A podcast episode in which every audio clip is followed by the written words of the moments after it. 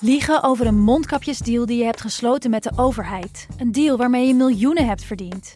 Dat doet toch alleen Siewert van Liende? Nou, nee. Ik ben Felicia Alberding en in de Mondkapjesmiljonairs duik ik met een team van correspondenten in andere schandalen. Want wist je dat Siewert helemaal niet uniek is? Luister de Mondkapjesmiljonairs in je Podimo-app. Of ga naar podimo.nl slash mondkapjes. En probeer Podimo 30 dagen. podimo.nl slash mondkapjes. Je rijdt dus door een oorlogsgebied op een, op een vellig, terwijl het keihard regent en overal pikdonker wordt.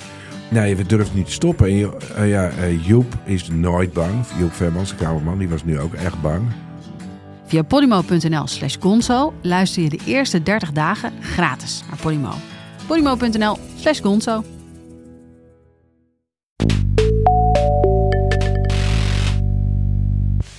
Notre communauté du charbon et de l'acier est une réalité vivante. C'est le commencement de l'Europe. Dit is Betrouwbare Bronnen met Jaap Jansen.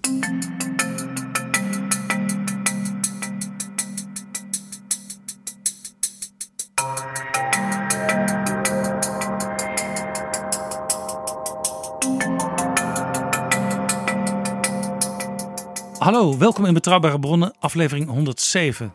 Welkom ook PG. Dag Jaap. PG, het is deze week Schumann-dag. Dat wordt altijd gevierd op 9 mei. Wordt ook wel Europa-dag genoemd.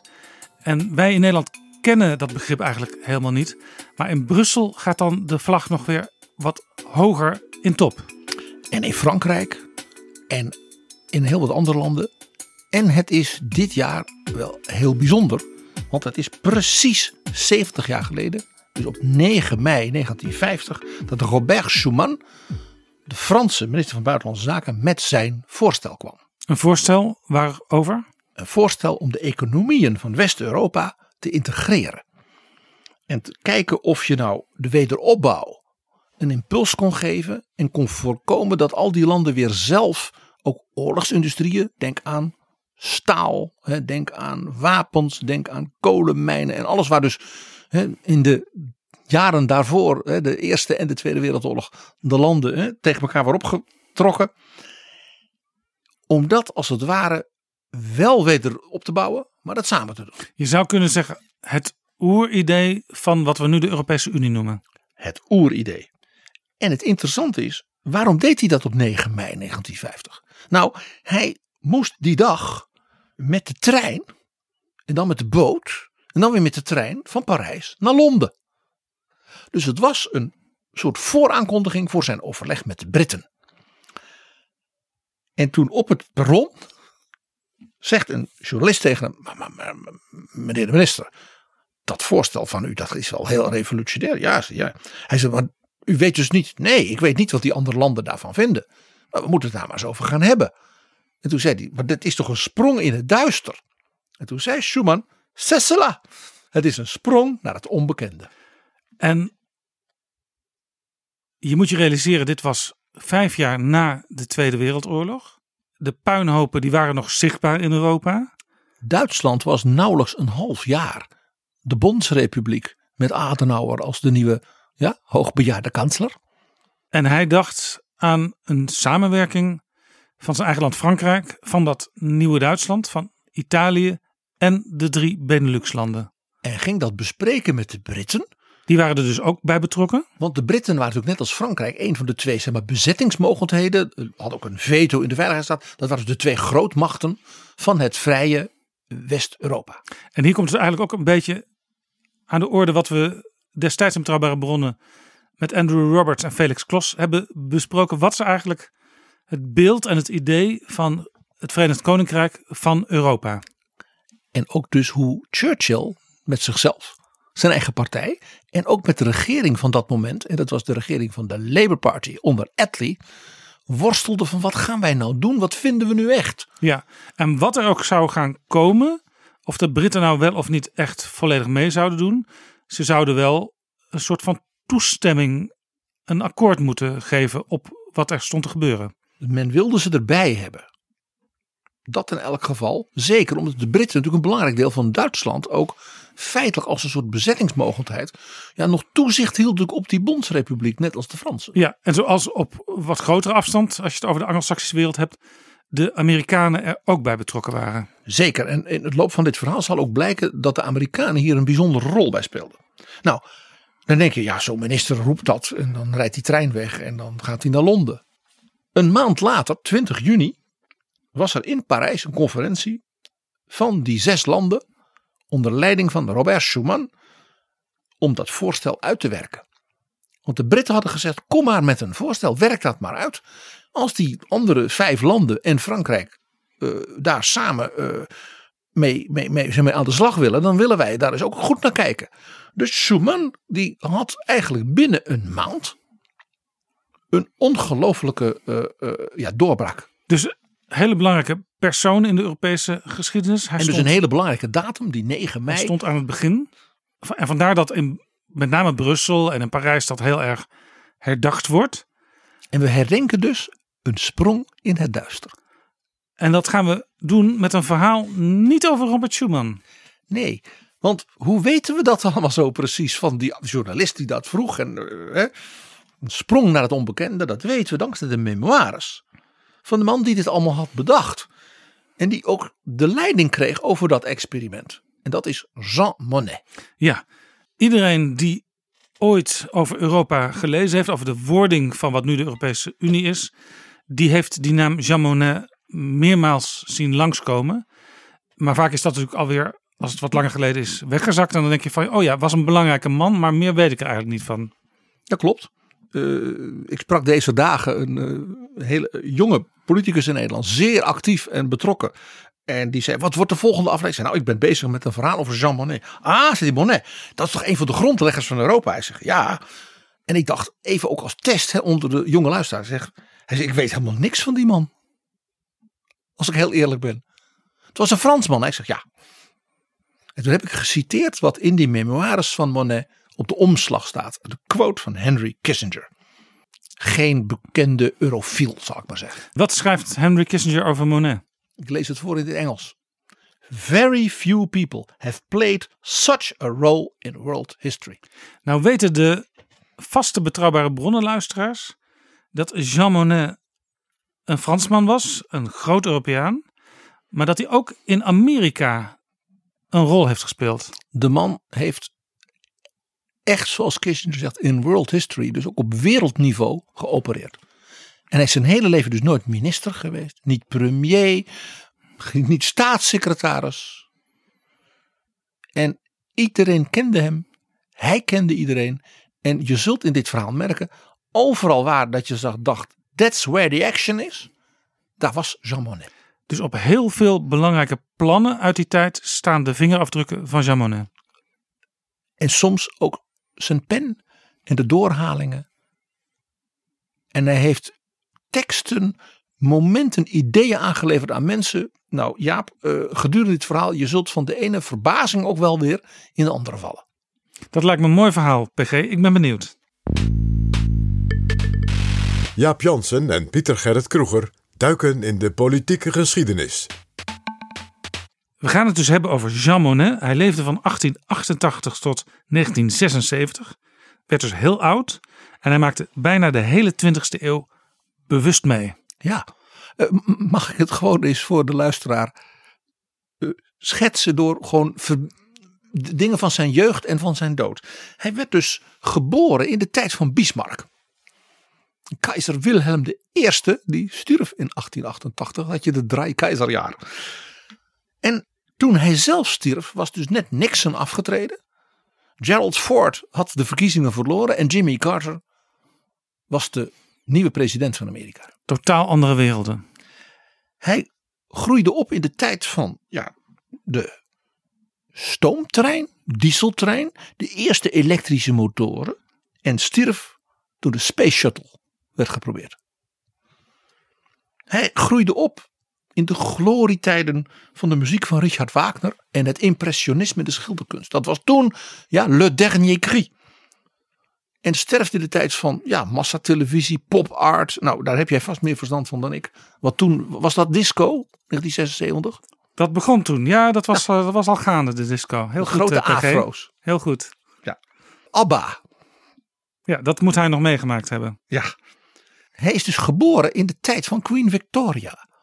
En bij ons hadden we toen eh, koning Gorilla, Willem III. En toen hij overleed had je het Wirtschaftswunder ja, en Adenauer gehad. En zelfs Willy Brandt was al ten val gekomen. En het was de tijd van wat de Britten noemden, we gaan in de common market. Kortom, hij overspande echt bijna een eeuw. Ja. Van totale veranderingen. Hij was een leeftijdsgenoot. Dus in zijn kinderjaren werden geboren Mao Zedong, Frans Kafka, Adolf Hitler, Charles de Gaulle, Jozef Stalin, Franklin Delano Roosevelt. En van deze mensen heeft hij er een heleboel gekend. Ja, dat is natuurlijk het bijzondere, want je kunt al die namen wel noemen, maar hij was iemand die in die hoge kringen en in die verschillende landen en continenten erbij was. Hij zette ongelooflijk veel in beweging, initieerde, startte, versnelde dingen, realiseerde dingen, essentiële dingen in de wereldgeschiedenis en ook in de moderne economie. Eh, Zoals nou ja, bijna niemand. Even terug met beide benen op de vloer. Wie was hij? Hij was de zoon uit een familie van cognacmakers. Dus hij komt uit zeg maar, Zuidwest-Frankrijk. De streek van het stadje Cognac, waar hij ook vandaan kwam. Zijn vader was dus een producent van cognac. En had een heleboel kleine boertjes die een soort productiegemeenschap. eh, ja, hun druiven. En dan gingen ze dat stoken. En dat ging in fusten. En dat verkocht zijn vader Geboren dus tussen de cognacvaten. Ja. Heel Frans. En je zult uit het verhaal merken, heel wereldomspannend meteen. Ook wel leuk. Kleinigheidje maar hoor Jaap. Dus ook de streek waar François Mitterrand vandaan kwam.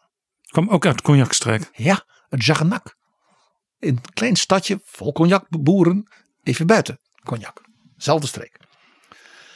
De familie Monet, het huis Monet, had een zeer goede naam als producent. Het was dus goede cognac. Hij was duur. Hij was fameus om het design van zijn reclames. Zag moderne kunstenaars, art deco-achtig. En ja, hij was dus voorbestemd eh, om zijn vader op te volgen als de chef van het familiebedrijf. En als je cognac produceerde, dan was je ook op een veel groter deel van de wereld gericht dan alleen Frankrijk. Dat is al iets heel bijzonders uit zijn jeugd. En hij schrijft in zijn memoires nog iets. Want dat merk je, al schrijft hij dus over zijn jeugd en over het familiebedrijf. En, en met heel veel, veel, veel. Ook met enthousiasme en met grote, grote liefde ook voor zijn ouders.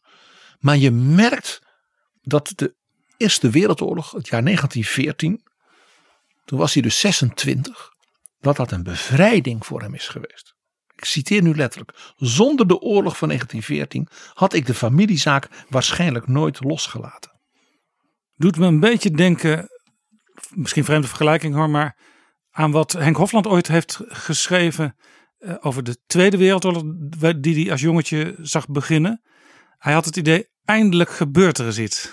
Ja, die oorlog betekende de drop of eronder voor Frankrijk. En dat betekent dat iedereen die iets kon doen om Frankrijk te redden, om het maar even zo te zeggen, ja, die kon aan de slag. En Jean Monnet had niet het idee voor zichzelf, ik stap in dat gespreide bedje van dat bedrijf. Nou ja, dat was wel de bedoeling. En dat deed je in feite in 1914, deed je dat ook hè, als je vader dat met je van plan was. Nou ja, dat gebeurde al veel eerder. Ik was natuurlijk geboren in 1888. En met 16 werd hij van school gehaald, want dat was klaar toen. Hij hoefde niet eh, door te leren, zoals ze dat toen noemden. Want zijn vader kon hem wel vertellen hoe het bedrijf in elkaar zat. En hij schrijft in zijn memoires ook heel mooi over dat moment dat hij dus in de Eerste Wereldoorlog ineens hè, als 26-jarige aan de bak kan. Ik zal zo vertellen wat hij ging doen. Ik lees voor. Bij ons in de cognacstreek weet men hoe af te wachten. Dat is de enige wijze waarop je een goed product maakt. Prachtig. Het is ook een beetje een handschrift van een politieke werkwijze die sommige grote leiders hadden. Ja, ik, ik, ik zat meteen te denken, dat heeft Mitterrand in diezelfde streek ook geleerd. Dat afwachten en je moment. Je moet natuurlijk wel op de juiste plek al zitten en de hand in de buurt van de knoppen hebben. Maar je merkt aan alles uit die memoires eh, dat hij dus met alle respect ook voor zijn ouders en voor de familietraditie, maar dat hij als twintiger dus door die oorlog is bevrijd. Ja, doet me overigens ook een beetje denken aan Wim Kok, de Nederlandse oud-premier, die soms ook eh, het verwijt kreeg dat hij afwachtend was. Maar later is er wel vaak gezegd, uiteindelijk nam hij de juiste beslissing. En die ook heel jong de kans greep om ineens in Brussel Europees internationaal te vleugels Hebben wij geleerd van Marnix Krop in een eerdere aflevering van Betrouwbare Bronnen. Nou, Jean Monnet was 16 en toen zei zijn vader: Ja, je moet nu voorbereid worden. Dus jij gaat naar Londen. Want eh, ja, jij moet internationale eh, bedrijfsleven kennen en je moet de Engelse taal spreken, want dat is van belang voor de firma. En je moet snappen hoe de city werkt. En jij gaat dus ondergebracht worden bij een vriend van mij, een collega, de wijnhandelaar Chaplin. Interessant, want mijn familie komt uit de kledinghandel. En zowel mijn grootvader als mijn vader, die gingen uit Bra- Brabant kwamen ze. Gingen stage lopen in eh, steden als Amsterdam, Groningen, maar ook in Duitsland bij kledingwinkels. Dat was dus bij dat soort familiebedrijven eh, niet ongebruikelijk. En bij de cognac was dat natuurlijk omdat dat een heel specifiek product was voor de, de upper ten, hè, zou je letterlijk zeggen. Eh, voor de hele dure hotels, voor chique omgevingen en mensen. Moest je dus wereldwijd handelscontact hebben. Dus hij was 16 en ging naar Londen. En bijna letterlijk tien jaar geleden sprak ik Jacques Delors. Die zei ja, Jean Monnet heeft mij ooit verteld als oude man. Delors en Monet kenden elkaar goed. Dat was een beetje de leermeester ook van Delors. Monet is geboren in 1888, Delors is geboren in... Die wordt dit jaar 95. 1925. Ja, dus Monet was ergens richting 40 de 40 jaar aan het gaan. Ja. Ja, toen hij geboren werd. Ja. Dus die hebben elkaar gesproken zeg maar, in de jaren 70. En die zei, ja, eh, Monet heeft toen hè, dat familiebedrijf gedaan. Hij zegt, maar, zei hij, als oude man vertelde hij over zijn verdriet. En ook wel zijn frustratie. Dat hij dus niet mocht leren. Hij moest van school. Hij leerde zo graag. En nou ja, het was wel duidelijk. Het was natuurlijk een briljante jongen. Dat had die vader ook wel door. En hij had dus nooit zeg maar, naar de universiteit gekund. eh, eh, ja, zichzelf intellectueel op die manier kunnen ontplooien. Dat heeft hij eigenlijk later zelfstandig in de tussenuurtjes moeten doen. Ja, en heeft zich natuurlijk enorm ontplooid eh, mentaal. En hij zei dus ook later, dat heeft hij ook een keer tegen zijn dochter gezegd, vertelde Delors. Hij zei, als ik nou Europa over zou mogen doen. Let op, dan is die man dus bijna 90 hè. Als ik het nou over zou mogen doen. Dan zou ik denk ik beginnen met la culture, l'éducation, la formation des gens. De vorming, de ontwikkeling van mensen. Als we daar nou eens in Europa mee begonnen waren.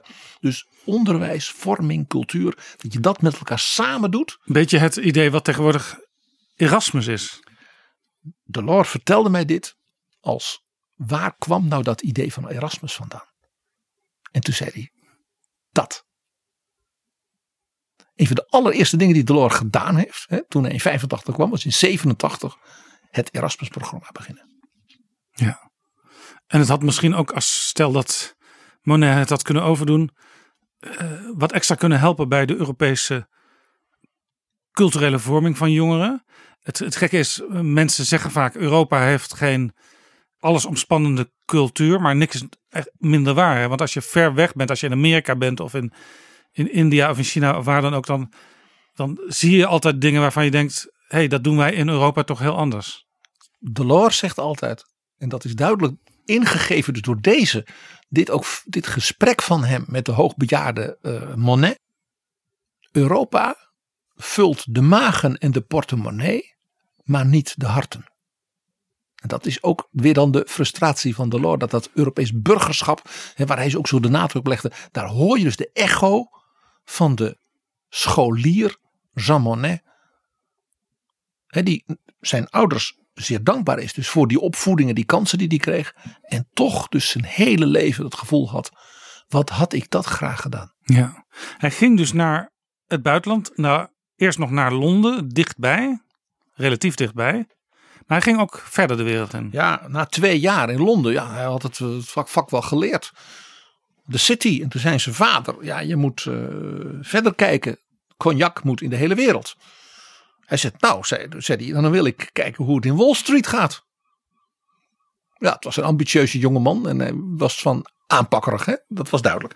Dus hij is met 18 eerst naar Canada gegaan. Want ja, de Fransen hebben natuurlijk in Canada hè, bijzondere banden. Nou, dus Quebec, maar hij was geïnteresseerd in de dingen waar geen Fransman zomaar kwam. Dus hij ging naar Winnipeg om te kijken of daar niet klanten waren. En Calgary. En vandaar dacht hij, nou, als ik nou toch ben, dan neem ik de trein naar Californië. En toen met de trein van Californië naar New York. Want ja, hij zou ook nog Wall Street moeten uh, analyseren. En hoe werken de banken daar? En Ja. kun je dat... Nou, zo'n jongeman dus. Ja, hij, hoefde, hij, hij sloeg de boekjes eh, van eh, de hoogste klasse van school en de universiteit over. Eh, Maar hij ging ter plekke meteen kijken. Ja, en met mensen praten. En daar kwam dus een jonge Fransman van 19. Die dus perfect Engels sprak. Ook dat nog. Ja, dat was natuurlijk wel iets. En die ook nog ja, een handelaar was. Een, ondernemer. Dus hij was ook wel natuurlijk een soort bezienswaardigheid denk ik wel eens. Nou, hij heeft dus in de jaren daarna. Dus tot zijn 25e. Scandinavië be- bereisd. Rusland. Egypte, het Midden-Oosten. Shanghai en Singapore. Echt alle uithoeken van de wereld heeft hij in die korte tijd en in, op die jonge leeftijd al bezocht. En alle handelscentra ook van deze tijd. Het was ook nog, ja, dit zegt van nou ja, Singapore, Singapore Shanghai, Zelfs Shanghai erbij. Midden-Oosten, Rusland. Ja. En je merkt dus, die man was dus opgevoed in, ja, in een heel eigen sfeer. Franse familietraditie, een klassiek Frans ja, eh, productiebedrijf. Niet industrie, maar de veredelde agrarische eh, finesse. Zo Frans als maar kan. En ook dus daardoor een heel open klimaat met wereldwijde klanten en bezoekers thuis. Fameus is dat zijn moeder zei, als dus de onderhandelaar van de, bijvoorbeeld de dure Amerikaanse hotels, of van die van Londen of van Rome, op bezoek komen voor onderhandelingen, dan gaat zo iemand niet in een hotelkamer zitten. Die is bij ons thuis. Ah. Dus die had een eigen logeervertrek en alles op een rand. En die was dus lid van de familie. en hij zei dus, ik moest als kind mijn talen kennen voor onze klanten. Ik citeer u weer letterlijk. Hoe vroeger in mijn leven ik Engels kon, hoe beter, zeiden mijn ouders. Ja, dus vandaar ook waarschijnlijk dat de eerste standplaats Londen werd. Ja, en daarna Canada. En, Singapore was natuurlijk ook nog Engels in die tijd. En in Shanghai sprak ook iedereen Engels. Dat was ook in feite een Europese outlet. Maar hij, hij werd daar dus ook waarschijnlijk eh, moderner van dan zijn familie eigenlijk was. En dan de gemiddelde Franse scholier en student, ja. Ja, Heel opvallend. Heel, net als het gezin van Charles de Gaulle. Waren zijn ouders, en met name ook zijn vader. Een buitengewoon kritisch op eh, eh, de beruchte Dreyfus-affaire. Die Frankrijk domineerde. Hè, Dus het antisemitisme. Dat zo'n Joodse officier. Dat is natuurlijk een landverrader. Er was geen enkel bewijs. Maar enzovoort. En zijn vader. Ondernemer. Katholiek. eh, die zei. Daar klopt helemaal niks van. Dit is een schande voor Frankrijk. ja. Dus hij was in, daarin ook in een soort open mentaliteit. Net als de, eh, ook in een zeer orthodox katholiek militair gezin. De Gaulle opgroeide. Maar ook zijn vader zei. Dat is een schande wat hier gebeurt. ja. Heel op, dus echt in Frankrijk in die tijd. Dat was nou ja goed of fout hè, zouden wij zeggen. Je was voor of tegen. En dat, dat, dat, dat scheurde door die hele samenleving. Ook heel interessant wat hij vertelt over zijn moeder. Hij zegt, zijn, hij zegt mijn moeder was een zeer vrome vrouw. katholiek. Maar ze hadden een belangrijke zakenpartner, monsieur Barrault. En die maakte in de, in de streek Cognac, waar zij woonde, het platteland, hij maakte de fusten. En een fust is natuurlijk wat het de cognac maakt. Ja. Ja, de goede, goede druiven en alles. Maar die fust. Waar dat, Je hebt, je hebt fusten nodig om je bedrijf te kunnen runnen. ik citeer eh, Monet. Je, bij ons in Cognac leer je af te wachten. Dat zit in die fust en dat moet. En monsieur Barrault was een hugenoot, een protestant. En mevrouw Monet zei tegen haar kinderen. Monsieur Barrault, die is een vriend en collega. C'est un homme de la Bible. Dat is een man van de Bijbel. Ja. Dus daar moest je respect voor hebben. En op zondag, als dan de familie een feestje gaf, er was, iedereen kwam, dan kwam monsieur Barrault niet. En die moest je ook niet lastigvallen van waarom kom je niet. Ja. Dat respecteerden zij. Je vertelt over die familie, ook een beetje de tradities van de familie. Hij trekt de wereld in, gaat steeds beter Engels spreken, eh, doet ook aan zelfstudie. Het gaat ook best goed met hem, begrijp ik. Maar je had ook al eerder gezegd, de Eerste Wereldoorlog, dat was een soort sleutelmoment. Ja. Toen kon hij een rol, echte rol gaan spelen. Toen gebeurde er iets wat ja, uiterst ongebruikelijk was. Maar hij greep de kans. Want zijn ervaring internationaal met wereldhandel, eh, hoe werkt dat dan hè, in Wall Street en zo, was ineens nodig. Want de Franse regering ging organiseren met de, de Britse en de Italiaanse regering, dus dat waren bondgenoten, in 1915, 16. Dus toen was hij 26. Een, ze organiseerden een gezamenlijke soort afstemming om ervoor te zorgen dat er genoeg te eten was. Aan het front, maar ook voor de burgers. Want ja, je begrijpt, de soldaten die dus in die loopgraven lagen, die konden dus niet het land bewerken. Dus er dreigde hongersnood, eh, tekorten en, eh, en dergelijke. Dus die drie landen die organiseerden een gezamenlijke afstemmingsorganisatie voor de productie, distributie, inkoop en dergelijke van graan op de wereldmarkten. Ja. En dat heette de Wheat Executive. En die werd, was natuurlijk extra nodig omdat de Duitse onderzeeboten natuurlijk zeer succesvol werden. En dus de scheepsvaart op Engeland vanuit Amerika en Canada en zo ondermijnden. Ja, ja je, je noemt dus Frankrijk, Verenigd Koninkrijk en Italië werkten samen. Productie, distributie en inkoop van graan. Heel klein sprongetje vooruit. Europa ging natuurlijk later, na de Tweede Wereldoorlog, heel tijd vooruit, ook de voedselvoorziening organiseren. Jaap, dit gaan we nog gedurende dit gesprek voortdurend tegenkomen. Dat Hij leerde denkt, hier dus iets. Deze man was voortdurend aan het leren, strategisch, visionair. Hij was dus 27. En ja, toevallig is een belangrijk man in de Franse politiek, monsieur Viviani. En die kwam ook uit Cognac. En die wist dus dat die zoon van Monet. Die sprak zijn talen, was in Canada geweest, in Amerika. Ja, hij was natuurlijk de, ja, de, de, de glamour boy van Cognac. De slimste van het hele stel. Dus die werd als er ingehuurd om die wheat executive, nou ja, als een soort secretaris. En al snel werd hij natuurlijk gewoon de vertegenwoordiger van Frankrijk. En hij ging naar Londen, ging onderhandelen met die Britse regering. Ja, je begrijpt wel, die mensen, ja, daar was hij al vaker geweest. Ja, dus hij had ook naar zijn ouders een goed excuus om erop uit te gaan. Frankrijk redden. Il faut sauver la France. La grande nation. ja. Nou, 1915, 1916, 1917. Amerika gaat meedoen. Amerikaanse troepen komen in Frankrijk. Om hè, dat laatste jaar het keizerrijk Duitsland te verslaan.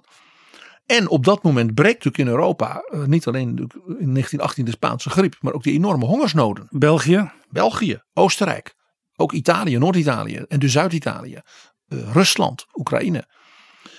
En wie komt er die dat organiseert als een topmanager, het redden van die ho- hongersnood om te beginnen in België?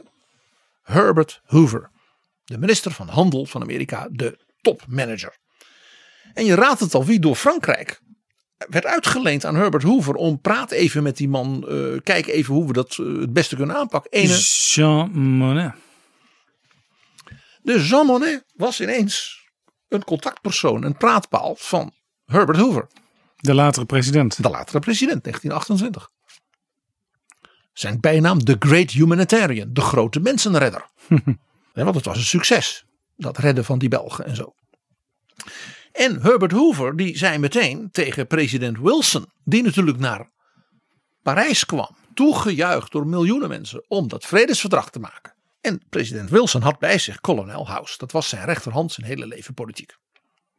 Dus Hoover en zijn staf koppelden Jean Monnet aan kolonel House. Hm.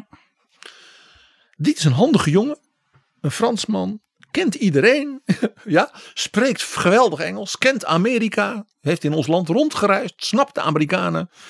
Eh, die kan helpen bij het inrichten van hoe zou je nou die nieuwe volkenbond kunnen organiseren. De Volkenbond, je zou kunnen zeggen de voorloper van de Verenigde Naties. En de droom van president Wilson. Dus de droom van president Wilson, ja, zijn kolonel House, zijn rechterhand, had dus deze jonge Fransman als een van de zeg maar, aanjagers.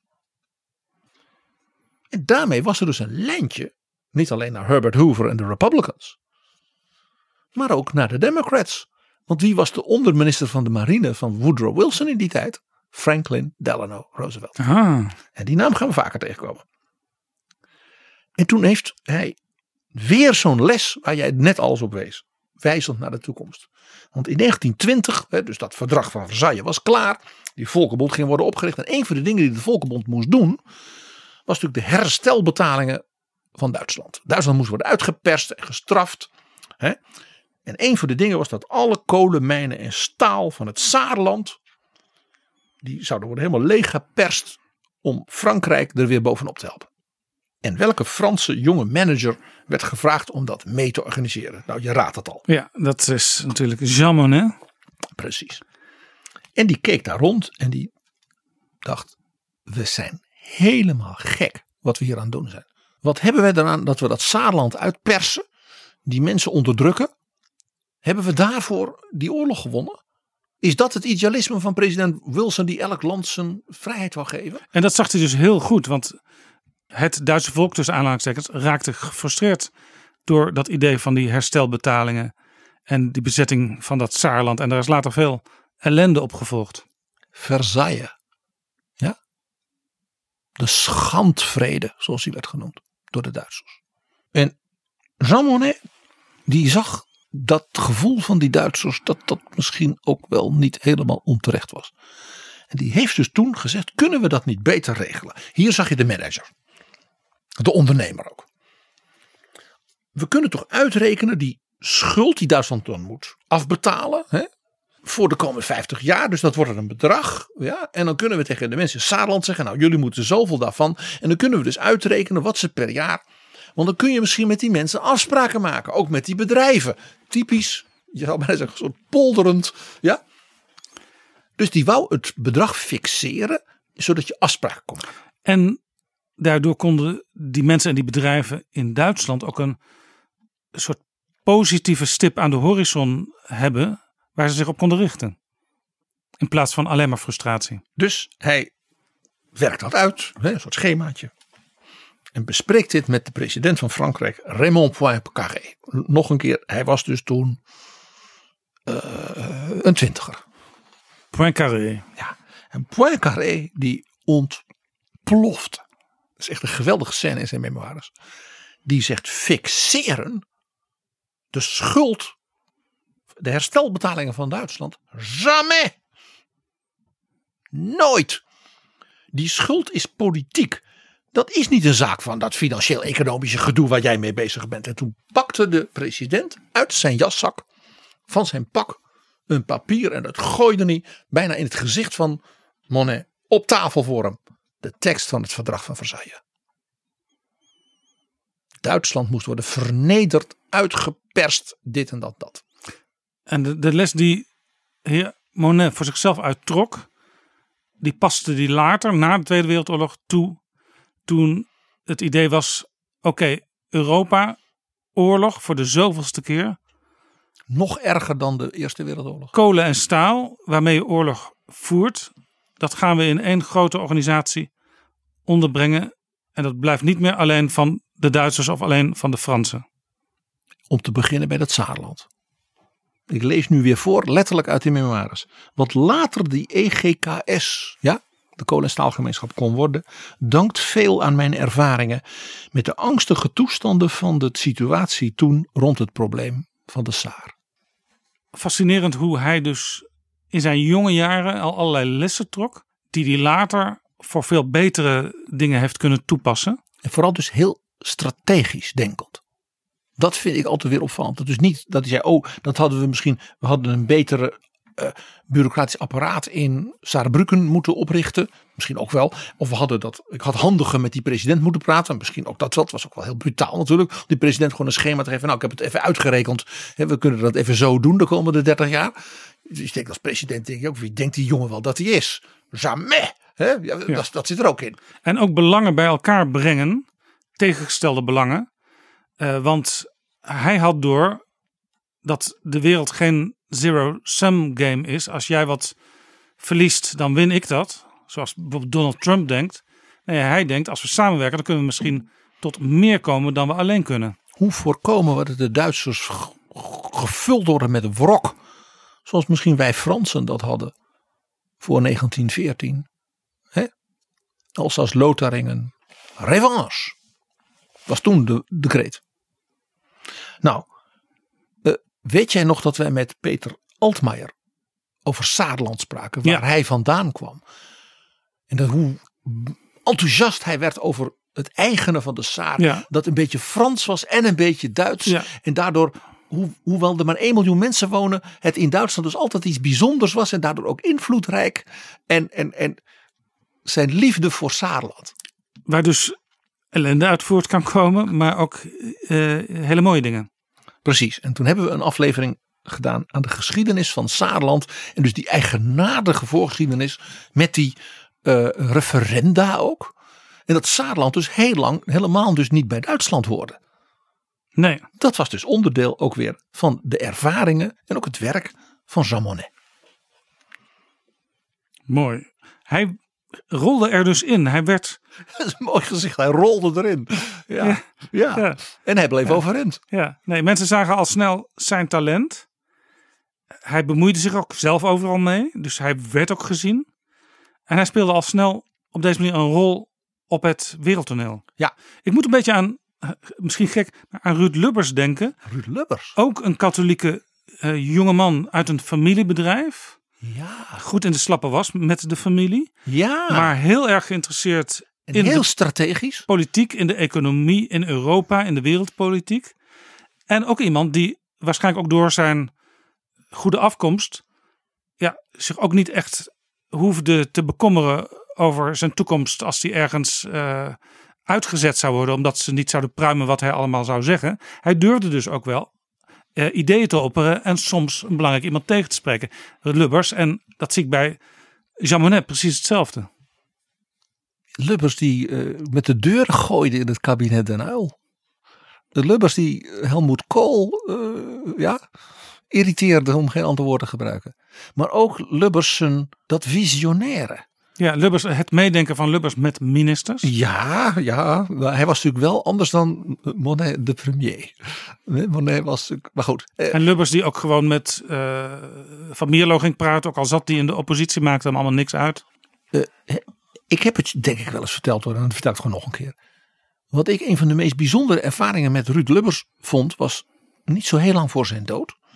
Dat hij mij vertelde dat hij bevriend was geraakt met de jongste dochter van Thomas Mann, Elisabeth Mann Borghese, de grote oceaandeskundige. En die had hem dus als het ware de Oh. ogen geopend voor wat hij dus dat Earth Charter noemde, het handvest van de aarde. Ja, waar dat- hij zeg maar zijn, zijn laatste 15 jaar van zijn leven eh, heel druk mee bezig is geweest. dat, dat duurzaamheidsdenken dat de aarde als het ware bij elkaar hoort. En dus niet alleen het, het, het, het, het droge gedeelte, maar ook die 70% Ja. oceanen. Maar PG, jij ziet dus ook wel een beetje die overeenkomst. Lubbers, Monet. Nou, hoe meer jij nu dat deurtje in mijn hoofd opent, is gevaarlijk voor de luisteraar, want dan wordt het nog langer. Maar ook die, de- dat Lubbers, dat Lubbers die, al die gekleurde ballen door de lucht. Die, ja, dat allemaal, het was allemaal samenhangend en niet iedereen kon het volgen. Dat had natuurlijk Monet ook wel. En men wist ook altijd, als we Monet ergens bij betrekken, dan, dan horen we hele sprankelende dingen, soms ook misschien vreemde dingen, maar we komen altijd verder dan waar we waren. er gebeurt altijd iets. En ook wel heel kenmerkend, er wordt iets gedaan. Het is niet speculatief, alleen maar. Dit is Betrouwbare Bronnen, een podcast met betrouwbare bronnen.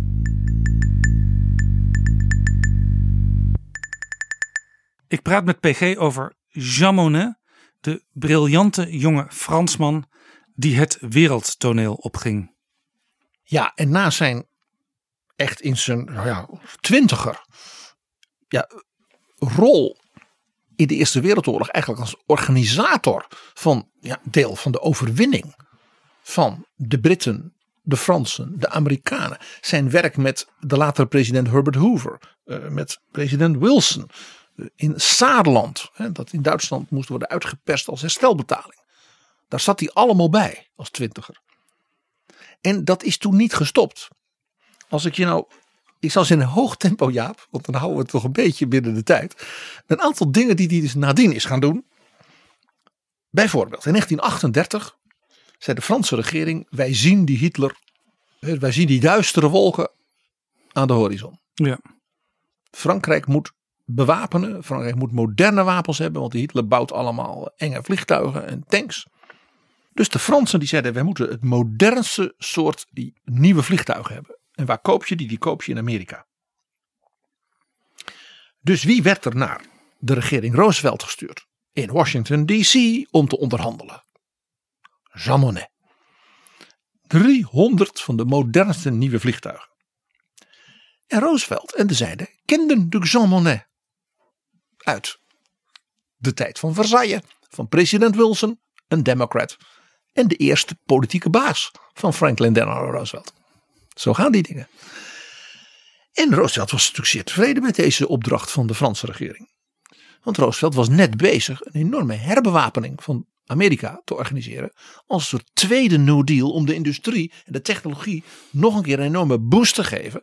En Amerika te kunnen verdedigen nou ja, tegen Japan, tegen uh, Nazi-Duitsland. Hij zag zag het ook dus, komen.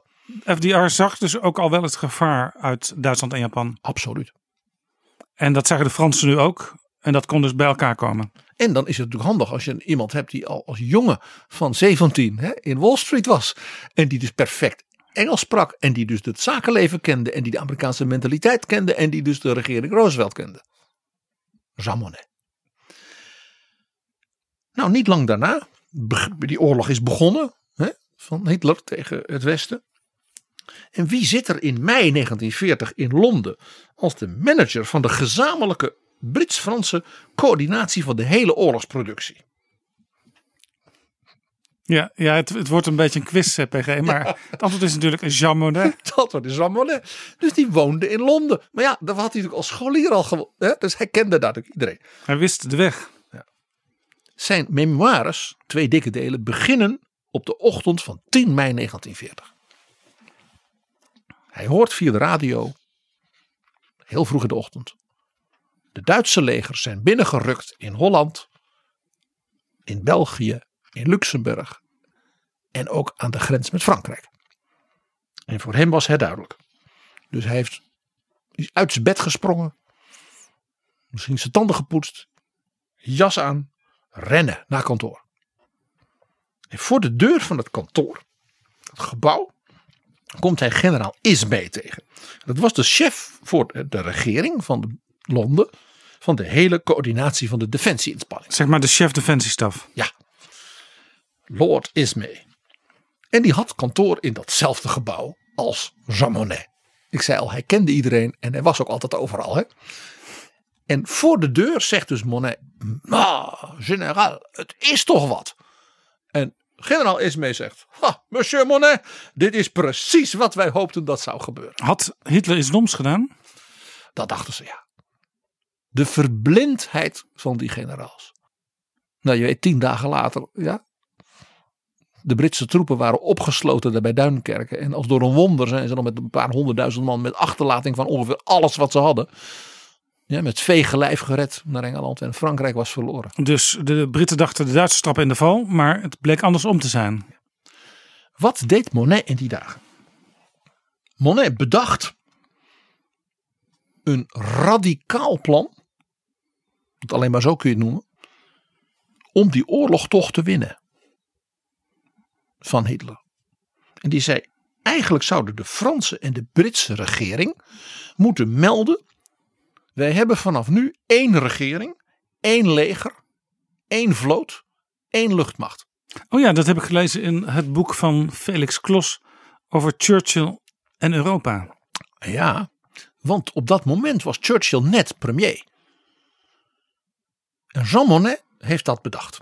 Je raadt het al. En dat heeft hij bedacht tijdens een diner in Londen met onder andere generaal Charles de Gaulle. Aha. De staatssecretaris van Defensie van de Franse regering. En die zei, ja, één regering. Nou, nou, meneer Monnet. Nou. De volgende ochtend heeft hij dat plan op tafel gelegd. Bij Churchill samen met de Gaulle. En Churchill zei, nou, monsieur Monnet, nou, nou. Dus die had dezelfde opvatting als de Gaulle. En Monnet heeft zo'n gloedvol betoog gehouden. Met punt 1, punt 2, punt 3, punt 4. Dat Churchill overtuigd was. En die zei, ik ga dit op tafel leggen bij de Franse regering. Ook dit doet me denken soms aan discussies nu in Europa. Van hoe ver moet de politieke en militaire samenwerking gaan? Jaap, je zegt het. De tragiek is dat op dat moment de Franse regering instortte.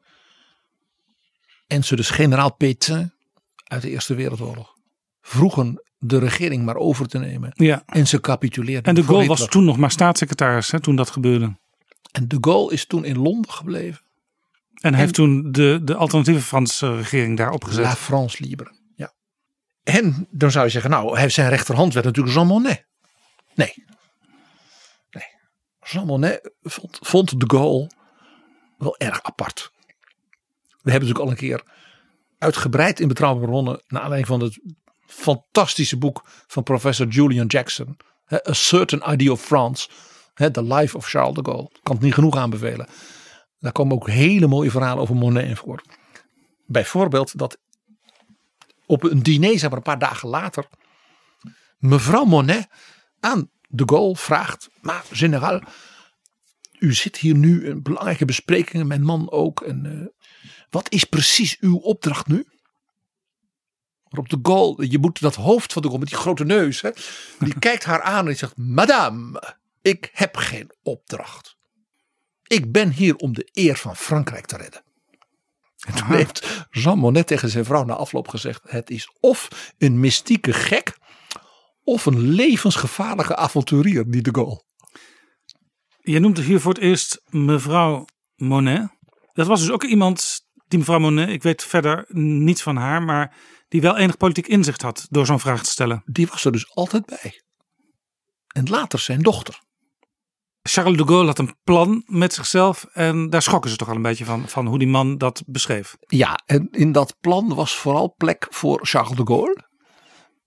En niet zo veel plek voor Jean Monnet. Hij had niet echt het idee, de Gaulle, ik ga de best en de brightest om mij heen organiseren. Jawel, dat deed hij wel, de Gaulle, absoluut. Maar die waren wel tot één ding verplicht, namelijk totale loyaliteit Ja. aan de persoon de Gaulle. En graag vaak ja knikken. Ja, ook wel, maar vooral l'honneur de la France. En, en, en Monet was natuurlijk ook een Fransman en hij was bepaald geen Vichy-man en het was Nee, een democraat. Maar wel iemand die verder keek dan alleen de belangen van Frankrijk. Die wou de wereld tegen Hitler laten vechten en winnen. En dat gebeurde ook, want Churchill stuurde Monet naar Washington DC. Kunt u daar helpen met het coördineren van de economische ja, en financiële perikelen? Eh, want Engeland is bijna failliet. En Roosevelt die wil ons wel helpen, maar enzovoort. En we hebben dus iemand nodig die ja, eigenlijk onpartijdig is. En die door die Amerikanen wordt ja, gepruimd. En dus niet als een soort iemand die daar voor de belangen van de Britten alleen maar opkomt. Maar die gewoon ja, eigenlijk Roosevelts brieën als ware ook uitdaagt door zijn eigen brieën. Dus Monet is een belangrijke zeg maar, ideegever geweest voor FDR. Voor dingen als de Land Lease Act. En andere vormen om de Britten te helpen zonder dat ze meteen failliet waren. En wel heel bijzonder is, Ik denk dat hij de enige Europeaan in de geschiedenis is van wie we dit kunnen zeggen. Hij heeft in, nou zeg maar november, december 1940. Toen was dus Roosevelt net herkozen voor de derde keer als president. Ja, want hij werd uiteindelijk vier keer gekozen. Daar hebben we het over gehad eh, enige weken geleden. En na die dus zeer ongebruikelijke derde verkiezing. Was het duidelijk dat dus de president nu de handen vrij had om Amerika nog meer voor te bereiden op wat iedereen begreep wat zou komen na de oorlog. Tegen Hitler en Japan. En toen heeft hij dus een toespraak gehouden, een van zijn beroemde fireside chats. Praatje bij de haard tot het Amerikaanse volk via de radio. En dat was die van 29 december 1940. Dus dat was een soort oudejaarstoespraak. En toen heeft hij dus gezegd, een beroemde, een van zijn beroemdste uitspraken. Wij Amerikanen, wij zijn een vredelievend land. Wij willen geen oorlog, maar we willen wel vrijheid en democratie in de hele wereld beschermen. Dus wij moeten de mensen die daarvoor strijden helpen. En toen kwam het zinnetje: We must be the great arsenal of democracy. En jij raadt al van wie die term kwam. Van Jean Monnet. Van Jean Monnet. L'Amérique deviendra l'arsenal de la démocratie. De Great Arsenal. Dus wij moeten eigenlijk de, de, het, ja, hoe noem je dat? Het wapenhok of het. Wij moeten de middelen leveren voor de democratie. Het arsenaal. De wapenopslag. Precies. Laten we even luisteren naar een stukje uit die Fireside Chat van 29 december 1940, FDR. I want to make it clear that it is the purpose of the nation to build now with all possible speed every machine, every arsenal, every factory that we need to manufacture our defense material. We have the men, the skill, the wealth, and above all, the will. I am confident that if and when production of consumer or luxury goods in certain industries requires the use of machines and raw materials that are essential for defense purposes, then such production must yield and will gladly yield to our primary and compelling purpose. So I appeal to the owners of plants, to the managers, to the workers, to our own government employees to put every ounce of effort into producing these munitions swiftly and without stint. With this appeal, I give you the pledge that all of us who are officers of your government will devote ourselves to the same wholehearted extent to the great task that lies ahead. As planes and ships and guns and shells are produced, your government, with its defense experts, can then determine how best to use them to defend this hemisphere. The decision as to how much shall be sent abroad and how much shall remain at home must be made on the basis of our overall military necessities. We must be the great arsenal of democracy. For us, this is an emergency as serious as war itself. We must apply ourselves to our task with the same resolution, the same sense of urgency, the same spirit of patriotism and sacrifice as we would show were we at war. Dat was Franklin Delano Roosevelt met een tekst die dus van Monnet kwam. L'Amérique deviendra l'arsenal de la démocratie. En dat weten wij dankzij de speechschrijver van FDR, Robert Sherwood. Die in die aflevering over de dood van FDR aan de orde kwam. Omdat hij een speech moest voorbereiden voor hem. In zijn laatste week. En die heeft een boek geschreven over FDR en zijn belevenissen met hem. En daarin vertelt hij dus over de totstandkoming van deze fireside chat. Interessant. Nou, alleen al dat zeg je, hè, wat een impact zo'n Fransman heeft op de wereldgeschiedenis. December 1940. En jij zegt, En ik zeg, hij, moest nog, hij mocht nog, 37, nog 36 jaar van onze lieve heer. Ja. Nou, eh, inderdaad. Dus wat gebeurt er? Eh, er komt oorlog. Amerika doet mee. En Roosevelt bedenkt en organiseert en krijgt voor elkaar die enorme invasie van de Amerikanen en de Britten, maar vooral de Amerikanen in Noord-Afrika. November 1942. Grote verrassing voor de naties dat dus de Amerikanen ineens Noord-Afrika hadden en daarmee Zuid-Europa, dus Italië en Frankrijk, konden bedreigen. Ja. Waar ze dus volstrekt niet op gerekend hadden. Nou, Een nieuw front. een nieuw front. Ook om natuurlijk het Oostfront, de Russen en Stalin te helpen ontzien dat je dus de Duitse troepen kon weglokken daar. Dat was het idee. Dat Noord-Afrika was Frans. Waren Franse koloniën. Algerije. Algerije, Tunesië, Marokko. En die hadden ineens een Amerikaanse troepen die daar de baas waren. Dus de Franse generaals van het koloniale leger. Daarvan zei Roosevelt, ja hou die nou maar aan het, aan het bewind. Dat die dus nog wel een beetje de zaak, eh, hè, dus het lokale bestuur wel een beetje Frans blijft. Maar die Franse generaals, dat zijn nou niet bepaald progressieve democraten. Die waren van Vichy geweest, maar die waren dan nu pro-Amerikaans ineens. Dus die belangrijkste generaal, meneer Giraud, die moest wel iemand naast zich krijgen die politiek en strategie snapte. En die ook het vertrouwen van FDR had. En je raadt al wie. Jean Monnet. Jean Monnet. Dus Jean Monnet werd naar Algiers gestuurd door de president. En eigenlijk dus om de Franse koloniën te regeren. Ja. ja, dus ook weer typisch hier een, een, ja, een soort dubbel rol voor Jean Monnet. Hij was Fransman, maar hij kwam voor de Amerikanen. En voor de vrijheid van Europa om dat voor te bereiden. En die koloniën eh, ja, rustig te houden. Want daar kwam het toch ook wel een beetje op neer. En hij was weer niet de minister-president. Hij was dus weer de adviseur van die generaal. Hij bleef dus de man, de strateeg. Die toch ook zijn handen vrij had. Ja, hij stond in de coulissen. Daar zorgde hij, en dat was wel heel bijzonder, voor een verzoening met Charles de Gaulle. Want de Gaulle was natuurlijk inmiddels hè, de leider van het Vrije Frankrijk in Londen. En zag dus dat president Roosevelt nu een generaal had in Algiers. Ondersteund door Jean Monnet. Dus een concurrent. Monnet heeft dat heel knap gespeeld. Want de Gaulle dacht dus, wat ik verder nog aan ambities heb, dat zou wel eens gedwarsboomd kunnen worden als die Jean Monnet een steeds grotere rol gaat spelen. Eh, En de Gaulle wist dat FDR hem een gloedhekel aan hem had. Hem volstrekt niet vertrouwde. En Jean Monnet natuurlijk 100% vertrouwde. Ja, dit, dit is, het, is, het, is, is, is opera hè.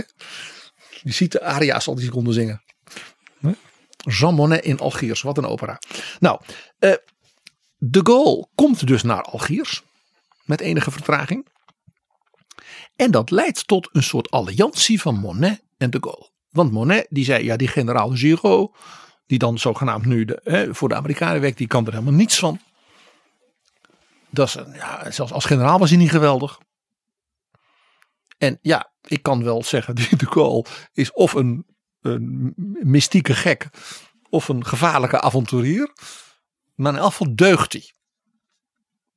En hij heeft het volgehouden en hij is voor de eer van Frankrijk. En nou, de president moet het maar slikken. Hè? Dat de Gaulle toch de man is die Frankrijk zal moeten gaan helpen redden. En hij zal moeten slikken dat hij dus de Amerikanen niet bij alles dwars zit. En de enige die dus tussen deze twee, mag ik het zeggen, gigantische diva's. Ja, Franklin Delano Roosevelt en Charles de Gaulle dus kon bemiddelen, was Jean Monnet. Hij regelde zelfs voor de Gaulle dat FDR na heel veel gedoe bereid was te beloven dat de nieuwe Franse regering na de invasie in Normandië die kwam, dat die dan gesteund zou worden door Amerika. Dat Amerika ook hen financieel zou steunen. Bijvoorbeeld met het invoeren van een nieuwe fatsoenlijke munt. Zodat niet het geld van Vichy en dus van de naties in Frankrijk zou blijven circuleren. Ja, want dat en zou de Franse economie dag instorten. voor een stuk brood en een pak melk uit je, uit je portemonnee moeten halen. De Gaulle en Monet die besloten dus we gaan samenwerken in het belang van de bevrijding. En van ons vaderland. Dus Monet schetste toen aan de Gaulle hoe hij dat zag. En dat was zijn visie op Europa. Frankrijk zou natuurlijk ja, de leiding hebben op het continent. De Britten waren de Britten, de Amerikanen. En de Sovjet-Unie was natuurlijk ook een verhaal. Maar Frankrijk, als Frankrijk nou Duitsland als het ware zou, nou ja zeg maar omarmen. Als Frankrijk en Duitsland zouden zeggen wij gaan het nu samen proberen, vreedzaam. Want we hebben gruwelijke lessen moeten leren van de Eerste Wereldoorlog en nu ook van deze. Dit nooit meer. Dan wordt dat de kern van een soort vrijheidsunie van Europese volkeren die met elkaar samen kunnen werken. Zeg maar een Europees idee. Volstrekt. Een idee européen. En je hoort hier dus ook de lessen uit Saarland 1920. Hè? Die Du- Duitsers kapot maken, vernederen. Waarom? Wat win je ermee? De Gaulle die zei, ah ja, ja. Nou de Gaulle was wel voor een soort Europees West, Westers blok, zoals hij dat noemde. Dat bestond dan volgens de Gaulle uit het volgende. Uit Frankrijk, de Benelux, het Rijnland en het Roergebied. En dan zou Engeland... Dus maar een stukje Duitsland. Ja, een stuk Duitsland. En natuurlijk wel, ik zal maar zeggen, het, Het industriedeel. het lekkere stuk. Hè, met de wijngaarden van de Pfalz. Hè, en Keulen en Bonn. En de industrie en de kolen en de staal. Van Roer. En Saarland natuurlijk, sowieso. Nou, en Engeland zou dan geassocieerd worden. Ja, aan die, dat Europees-Westerse blok. En dan zouden ze Italië en Spanje een beetje onder druk zetten. Hè, want dat waren natuurlijk ook geen geweldige regimes. Die moesten hun leven ook beteren. En ja, die waren arm en niet slim. Dus die konden er dan als het ware bij. Ja, in Spanje zat trouwens nog steeds eh, dictator Franco. Ja, maar die, Die had zich een beetje afgezonderd van de rest en die ging gewoon door. Die had, was zelf niet met Hitler meegedaan. Dus dat was dan, nou ja, hè, dat was het idee. Ik citeer nu de Gaulle in dat gesprek met Jean Monnet. Het kanaal, de Rijn en de Mediterranee worden de slagaders van het Nieuwe Westen. En alles wat Duitsland verzwakt, versterkt ons. Dat is eigenlijk een heel ouderwets denken van de Gaulle. Maar wel grandeur. Dit was natuurlijk het oude keizerrijk van Napoleon. De Benelux, Noord-Italië, Frankrijk, eh Catalonië. Catalonië zat erbij. En natuurlijk Westfalen, dat was van zijn broer Jérôme. Het was Napoleontisch, het was Bonapartistisch. En ja, Bonnet had dus gelijk. Het is een levensgevaarlijke Ja. avonturier Ja. en, En een dit- mysticus. En dit stond dus ook volstrekt op gespannen voet met de lessen die Modé tot dan toe al geleerd had over hoe je dingen moet organiseren na een enorme crisis. Wie hebben dit tegengehouden? Tot stiekem vreugde van Jean Monnet. De communisten in Frankrijk en Stalin. En daar kun jij je iets bij voorstellen. Ja, ja, ja de, de, de Russen, geallieerd met de communisten, die zagen natuurlijk eh, Napoleon alweer oprukken. Naar Moskou. Ja, precies. Het is toch geweldig dit hè? Nou, eh, dus dit ging niet door. Maar ja, de Gaulle moest natuurlijk wel iets.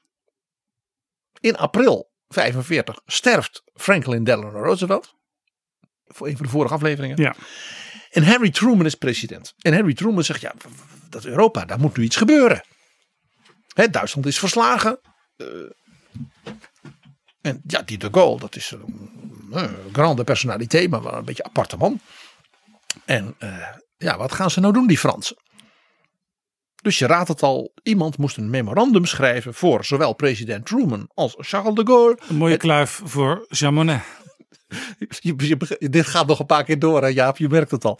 En ja hoor, dus daar kwam een memorandum in juli 1945. President Truman was toch in Europa voor het, eh, de conferentie in Potsdam.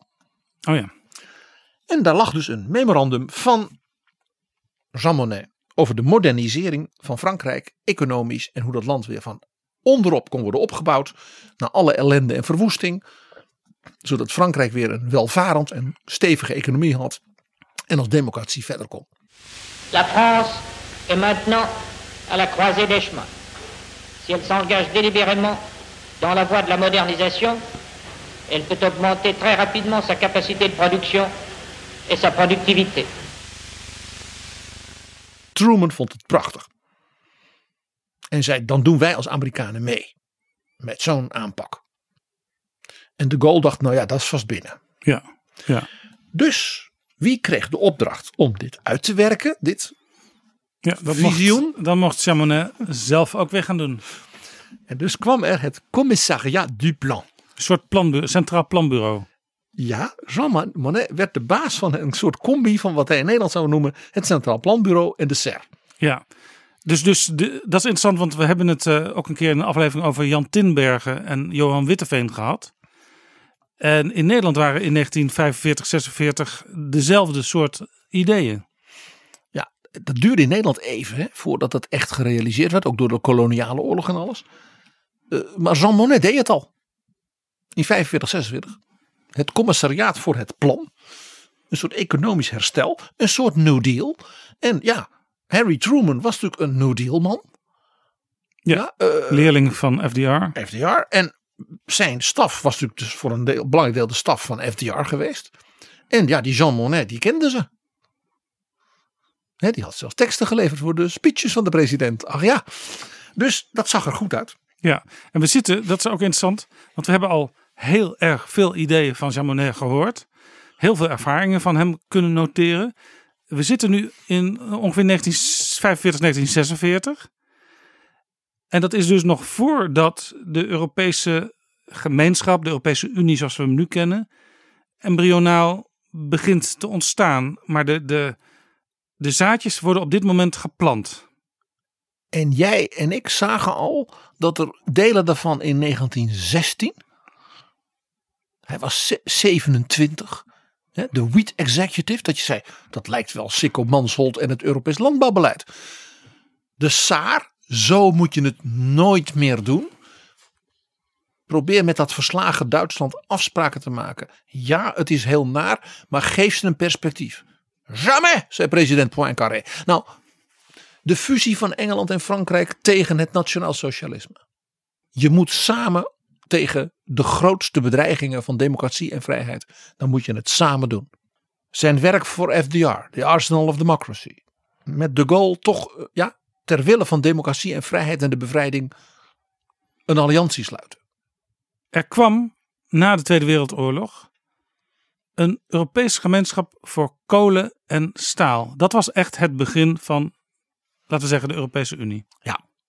Een hoge autoriteit. Ja, prachtig. Een haute autorité. Alleen een Fransman kan natuurlijk zoiets bedenken als titel voor de organisatie. En dat was de autoriteit, de club die ook het Saarland zou gaan regeren. Dus de oude fouten zouden niet meer gemaakt worden.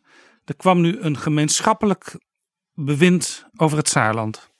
En de kolen- en staalindustrie van de deelnemende landen in Europa. Depuis ce matin, 1er mai, nous tous, Allemands, Belges, Français, Hollandais, Italiens et Luxembourgeois, devenons Européens. Il n'y aura plus de charbon allemand ni d'acier français, mais du charbon et de l'acier européen circulant entre nos pays librement, comme dans un même pays de 155 millions de consommateurs, aussi nombreux qu'aux États-Unis et en Union soviétique. Notre communauté du charbon et de l'acier est une réalité vivante. C'est le commencement de l'Europe. De zes landen die al genoemd waren, zei het dat nu inmiddels het hele nieuwe Duitsland, wat weer geleid werd door vier landen, ja. erbij kwam. En dat onafhankelijk was met een democratische regering onder leiding van Konrad Adenauer.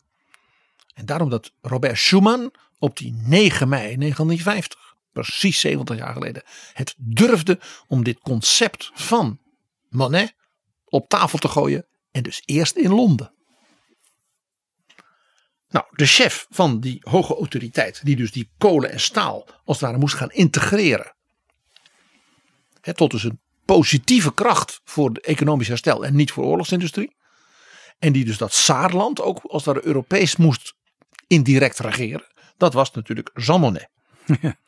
En dat was ook omdat Monet goed had begrepen van president Truman en van generaal Marshall dat het Marshallplan, dus die enorme investeringen van Amerika in Europa voor het herstel van de economie, dat daar wel voorwaarden aan waren gesteld. Hij zegt: als jullie weer allemaal nationale uh, uh, kolenmijnen en staalfabrieken en dan, dan zijn we weer terug in 1890 en dan komt het allemaal weer opnieuw.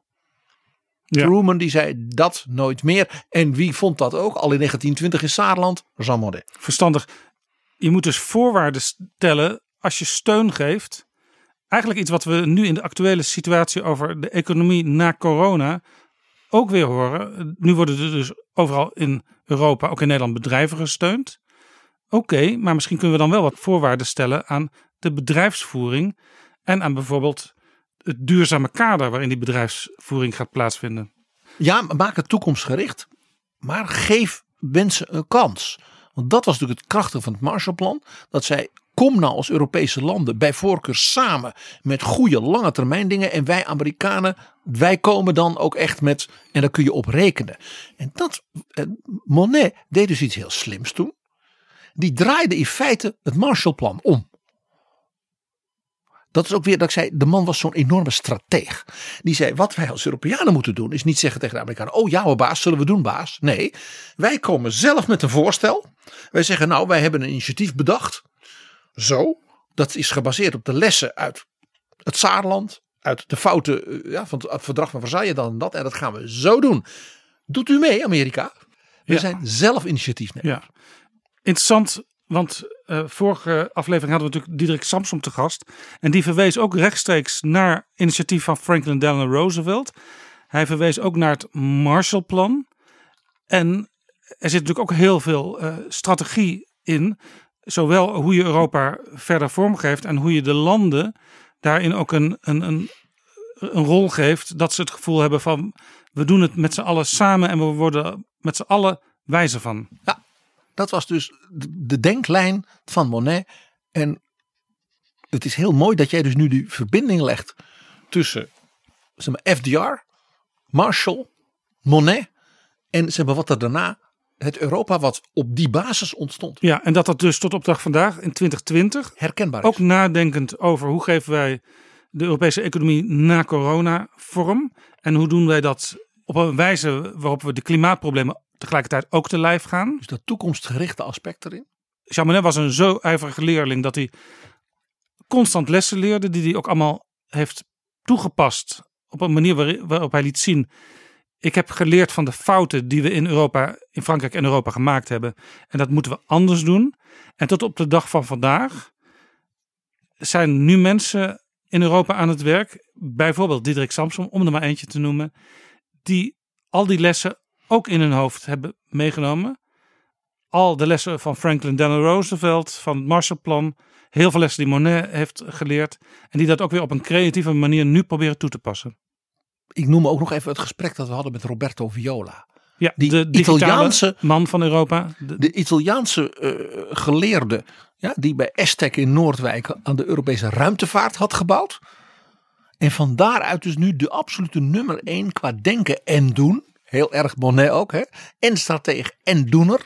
Ten aanzien van de digitalisering en de allernieuwste technologische ontwikkelingen. En dus Europa daar ook weer op wereldschaal moet kunnen opereren. Het is heel erg herkenbaar. Precies 70 jaar dus na die verklaring van Robert Schuman. Ja, hij was ook, Monet, bedenker van Europese defensiesamenwerking, de EDF, de Defensiegemeenschap. Ja. Want dacht hij, we hebben natuurlijk al de NAVO, maar dat die wordt heel erg gedomineerd door de Verenigde Staten.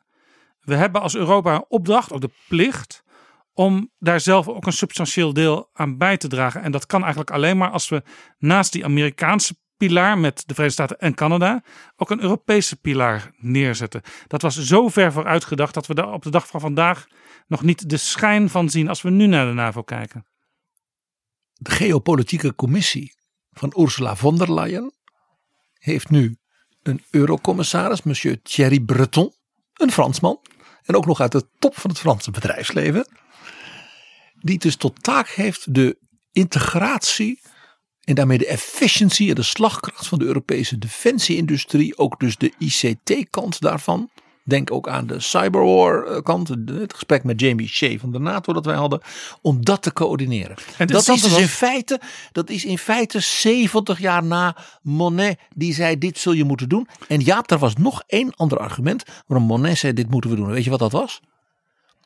Alleen zo kun je een Duitse herbewapening regelen zonder dat we bijvoorbeeld de Sovjets, de Polen, de Tsjechen, de Hongaren, de stuipen op het lijf jagen. Het is een Europees leger ter verdediging van de Europese westerse democratie en geen nieuwe weermacht. En tegelijkertijd dus wel het idee, we moeten wel ons te weer kunnen stellen tegen buitenlandse bedreigingen, tegen de Russen en hun satellieten.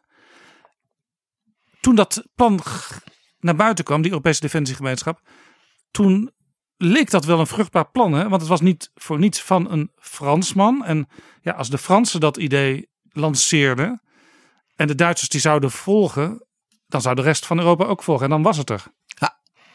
Het leidde tot wat de Fransen noemen, en dat eh, het boek van Julian Jackson over de Gaulle, die citeert daar een Franse politicus die zei: Het is de allerergste en heftigste discussie die we in de Parijse politiek hebben gehad sinds de affaire Dreyfus. Dat Nou- zegt dus wel wat, want er staan boekenkasten vol in de, de, de Franse eh, bibliotheken over die affaire Dreyfus. Het was de allereerste debat, dus politiek strategisch sinds 1905. En toen kwam ook het moment, denk ik, van de boektitel die ik in mijn boekkast heb staan over een boek over de Gaulle. De man die nee zei. En dat was de definitieve breuk, zeg maar, van de Gaulle en Monet. Met het al het respect dat ze voor elkaar hadden. De Gaulle zei: Ik ben tegen die Europese integratie van het leger, want Frankrijk is Frankrijk. Dat, die, de generaal in de Gaulle verzette zich natuurlijk tegen dit alles. En de Gaulle trok daarbij op samen met de grootste partij in het parlement in Frankrijk en dat waren de communisten. En zo werd de Europese Defensiegemeenschap in 1954 afgewezen door het parlement in Parijs. Kijk, de communisten dat die tegen zijn, dat, dat begrijp ik natuurlijk wel met hun vrienden in Moskou. Maar de Gaulle kon dus blijkbaar niet verteren dat Frankrijk een deeltje van zijn macht kwijt raakte. Nou ja, dat er dus een Europese gemeenschap zou komen met dus generaals en, en, en managers en Jean Monnet types. Ja, die de Franse eh, defensie zouden gaan coördineren met die van Italië en van Holland. Het idee. Het Ja, idee. ja. Daar moeten we trouwens nog eens een aparte aflevering aan wijden. Denk aan, aan Frankrijk en de Europese Unie. Want daar zie je ook dingen die je ook wel ziet in het verhaal van Nederland en de Europese Unie. Een soort wankelkoord soms. Van enerzijds toejuichen dat er meer wordt samengewerkt in Europa. Maar anderzijds toch af en toe ook wel terugschrikken voor echte samenwerking. Het is een geweldig verhaal. Frankrijk en Europa. Nou, eh 54, dat was dus een enorme terugslag. Dus het gevoel was, we zijn terug bij nul. Ja, Adenauer was echt ontredderd, weten wij uit de boeken over hem en uit zijn brieven. ja want Adenauer, dat was nou eens een echte Europeaan zou je kunnen zeggen. Nou, Adenauer was natuurlijk zeer gevoelig voor dat briljante motief van Monet. Van dit betekent geen Duitse herbewapening. Ja. Want Adenauer zei, ik wil een Duitse herbewapening. Ja, zowel idealisme als pragmatisme was verenigd in Adenauer. Nou, enorm. Enorm. Adenauer was een enorme machiavellist. Een cynicus. Maar ja, als je ook in de zeventig bent en je hebt in de gevangenis gezeten van Hitler en je bent, ja, en je wordt dan kanselier, dan ben je een overlevingskunstenaar en je hebt alles al tien keer meegemaakt. Maar hij was dus diep teleurgesteld, net als Jean Monnet zelf. Want hij, dit betekent dat dus de Duitse herbewapening binnen de NATO dus nationaal moest. En dat was natuurlijk in Duitsland enorm omstreden. De SPD was tegen, heel veel van de jongeren die waren natuurlijk tegen, die wilden niet in het leger, kun je kun je, je voorstellen. En Adenauer werd dus als een oude knar gezien, die dus weer zoals uit de keizertijd waar hij vandaan kwam, weer een, ja, een, leger wilde voor Duitsland. Ja, en het leidt tot op dag van vandaag in Duitsland tot aarzelingen als het gaat om internationale defensiesamenwerking. De Duitsers doen wel steeds meer in de loop van de afgelopen 10, 15 jaar. Maar er zijn altijd aarzelingen en dat is rechtstreeks terug te voeren op dat idee. als toen er dus een soort gezamenlijk Europese defensiecoördinatie was geweest, dan had hij ook dus gezamenlijker dingen kunnen doen. Ja, dat, ik denk dat dat, dat, dat waar Ja, is. en dat was voor Europa goed geweest en dat had eh, misschien de Russen, om maar een land te noemen, enigszins gerust kunnen stellen. Dat was het idee. Eh, Monet en de zijnen hebben toen eh, achter de schermen uiteraard hè, eh, aangepakt. En die hebben gezegd laten we nou die kolen- en staalgemeenschap, die is zo'n succes. Laten we die revitaliseren. Dus die haute, autorité, dat gaan we uitbouwen. Want als het werkt bij de basisindustrieën van kolen en staal. Hè, die dus nu zo functioneren dat ze geen oorlogsdreiging meer vormen. Waarom doen we het dan ook niet bij alle andere, ook nieuwe zeg maar, basisindustrieën die nu komen?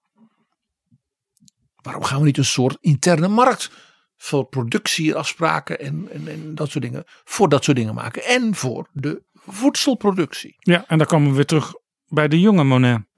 Ja, inderdaad. De Wheat Executive. Als je dat nou samen doet. En zo werd dus in 1957 als een soort extensie van de experimenten van Monet en zijn ervaring, hè, op dat moment dus inmiddels al meer dan 40 jaar, hè, de EEG, de Europese, Europese Economische Gemeenschap opgericht. Die dus ook dingen als het landbouwbeleid en wat al niet ging ontwikkelen. Ja, Monet werd natuurlijk langzamerhand een oude baas. Ja, Want 57, eh, het is alweer een tijdje na toen was hij 69. 1888. Toen was hij 69. Had Monet ook zijn eigen Jean Monet? Ehm, nou, hij had natuurlijk zo zijn ervaringen. Eh, zo, Jean Monnet had ook wel iets natuurlijk met de Hollanders. Nou ja, die Hollanders zaten overal bij. En alle plannen werd Nederland er ook bij betrokken. In zijn memoires komen dus ook Nederlanders worden met eer genoemd. Bijvoorbeeld een man als Edmund Wellerstein. Een topdiplomaat en ambtenaar die eigenlijk overal in Europa allerlei sleutelfuncties heeft vervuld. Ja. Die hij dus als jonge vent als hij mee heeft opgeleid. En wie hij zeker met eer noemt is Max, Max Koonstam. Koonstam. de secretaris van koningin Wilhelmina. Die dus als zeg maar, perschef van Wilhelmina. En mag ik het zeggen, haar toch wat eigenwijze en eigenzinnige persoonlijkheid. Dus wel wat ervaring had opgedaan met moeilijke dingen met de media. Enkele jaren geleden overleden. Die is heel oud geworden. Ja. Net als eh, Monet. En die werd dus een van de medewerkers van Monet bij het uitbouwen van die kolen- en staalgemeenschap en daarna ook naar die EEG. En hij zegt van het geweldige van Max Koonstam was, behalve dat hij, die band was niet te stuiten qua ijver, die was onvermoeibaar. Hij zegt, maar ja, een Hollander die alle talen spreekt en alle media in al die landen snapte. Dat kwam natuurlijk door zijn werk voor het Koningshuis en de regering in Den Haag. Ja. Die En- snapte dus de Britse kranten. Die, Ja. die kon met Der Spiegel omgaan, met Le Figaro, met de Repubblica. Die snapte dus die landen en die sprak die mensen allemaal in hun eigen taal. En Nederland, klein landje, klein cultureel gebied. Dus je moet je ook wel oriënteren op al die andere culturen.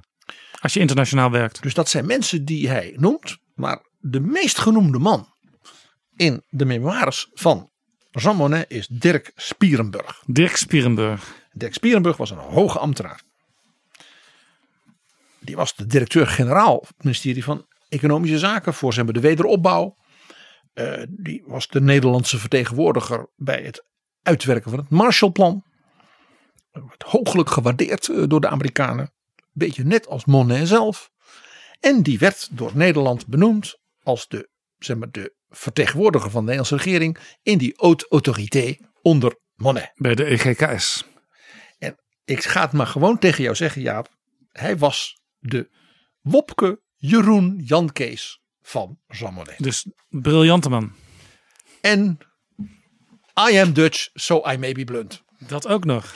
Ik lees voor uit, zijn, uit de memoires van Jean Monnet. Het is iemand met wie ik heerlijk kon knokken vanwege zijn ongepolijste aanpak. Hij was de moeilijkste gesprekspartner die ik had. En zijn Benelux-collega's hadden het maar wat moeilijk met hem. Ze mopperden over zijn vechtersbazentemperament en zijn koppigheid bij het inperken van de bevoegdheden van de nieuw dus door hen in te richten Europese instituties. Ja, ja, dus ook typisch Nederland als je naar het Nederland van nu kijkt. Er moest dus wel zo'n instituut komen, maar de bevoegdheden mochten wel weer niet uit de hand lopen. Nee, en onwrikbaar en blunt en de- drank en vrouwen en ja, we, we gaan dat geld niet zomaar aan die zuiderlingen geven. Het is, het is Het is, Jaap, het is verrukkelijk als je dat leest als Nederlander. En je hebt iets met dat Europese verhaal. Zoals, Ja, zoals ik ja, dat heb. Ja, het is ook wel weer een heel ander type dan Wellenstein en Koonstam. Ja. Maar hij En- kon het goed met hem vinden, ondanks dat. eh, Ondanks dat. Want, Monnet. want Monet wist dat Spierenburg niet een doetje was. En daar hield hij van. En kijk, als je kunt bemiddelen tussen FDR en de Gaulle, dan kun je natuurlijk ook best met Dirk Spierenburg omgaan. Spierenburg had twee grote bezwaren tegen de opzet van Monet en de uitwerking daarvan. Dat eerste bezwaar was meer technisch, waarop Monet zei: daar komen we uit, dus dat werd ook opgelost. Het tweede bezwaar was strategisch. En die zei: kijk, die nieuwe club, die raakt ongeveer aan alles waar nationale regeringen over gaan.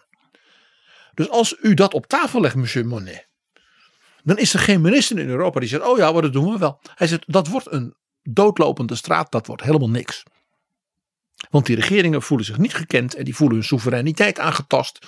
En eh, wat u doet is dus fataal. Wat een nieuw lichterij. En dat is allemaal theorie van u. ja, misschien te, te technocratisch bedacht. Wat deed Monet? Beledigd? Dure smeten? Nee hoor. Monet die dacht, hmm. Dan heeft hij natuurlijk wel een punt. Sterker nog, ik kan hier een pluspunt voor mijn concept van maken. En die zei, als we nou eens die nieuwe organisatie voorzien van een raad van ministers. Dus die landen hun ministers op dat terrein van kolen, van staal, dus van economie en van eh, grondstoffen en import en export, buitenlandse zaken.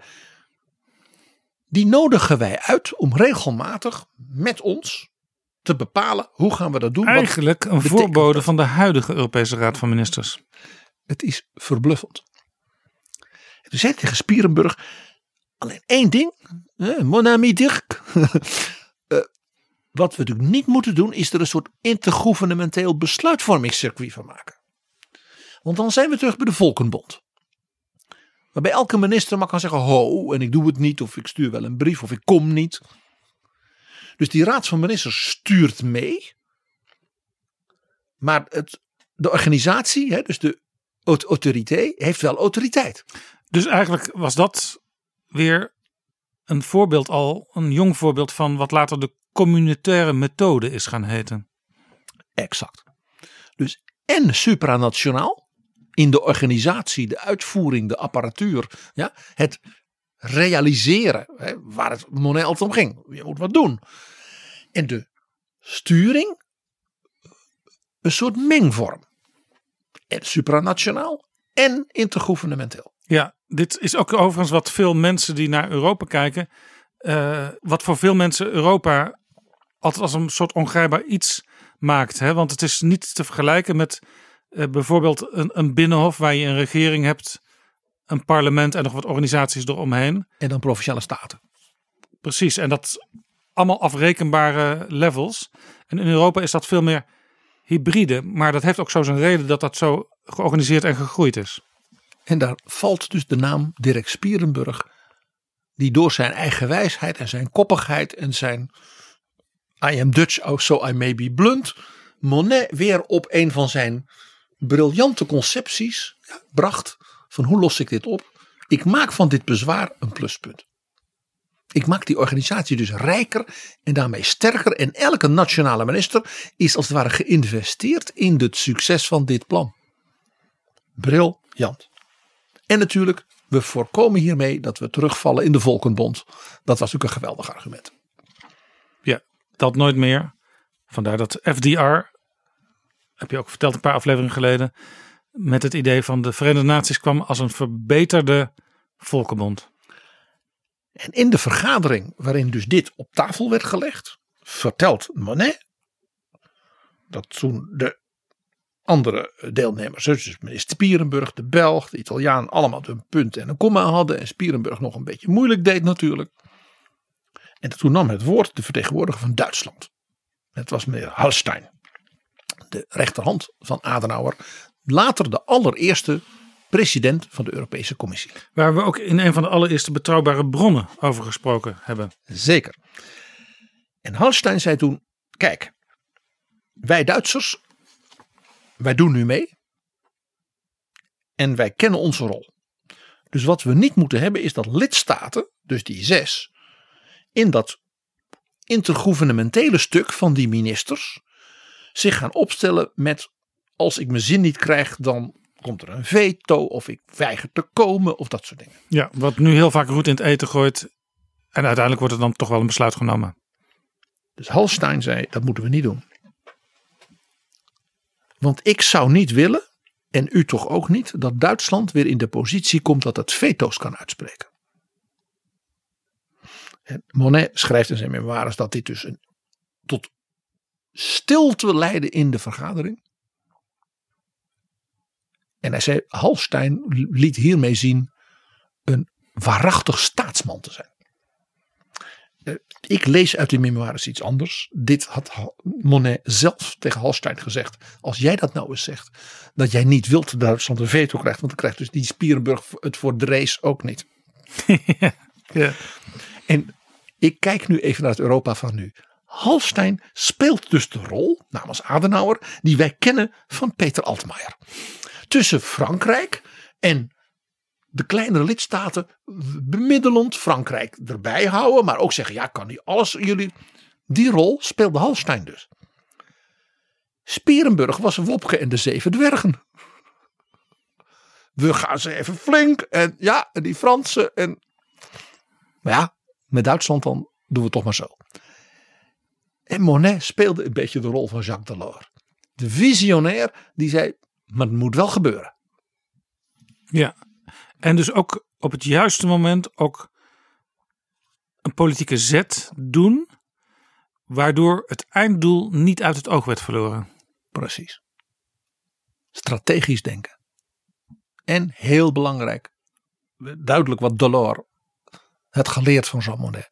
Handelen, dingen doen. En vandaar dat Delors mij dus vertelde dat het verhaal van Jean Monnet, die tegen zijn dochter had gezegd: Als ik het over mag doen, hè, Europa. Ik bijna 90, maar ik denk nog altijd stel nou. Dan was ik dus begonnen met de vorming, de opleiding, het onderwijs, cultuur van jonge mensen. En de, nog altijd dus dat verdriet dat hij zelf niet had kunnen studeren, hoewel die zich zo had ontwikkeld. Dat bleek dus iets nog uit zijn kindertijd, zijn jeugd, wat hem nog zeer deed. En dat zeg je dus tegen je dochter en tegen je vriend en misschien wel ook je leerling Jacques Delors. En dat Delors daarom zei, dat was voor mij een enorme aansporing om meteen met dat idee van Erasmus te komen. Prachtverhaal. PG, we weten nu weer veel meer waar het huidige Europa, zoals het nu functioneert, vandaan komt. En ook hoe één persoon daar een hele belangrijke structurele en sturende rol in heeft kunnen spelen. Zonder dus ooit zelf zin premier geweest of te zijn. president te zijn geweest. Een van de meest bijzondere dingen. Ik, ik ga iets heel gek zeggen. Jean Monnet is de beschermheilige van de Carolines. Carolien! De politiek assistenten, waarvan er een aantal in de loop van hun carrière uitgroeien eh, ja, tot staatslieden. Maar als ze heel effectief zijn, en dat zijn ze vaak, jonge mensen, hè, net als Monet, zo heel jong daar ineens hè, in de Eerste Wereldoorlog.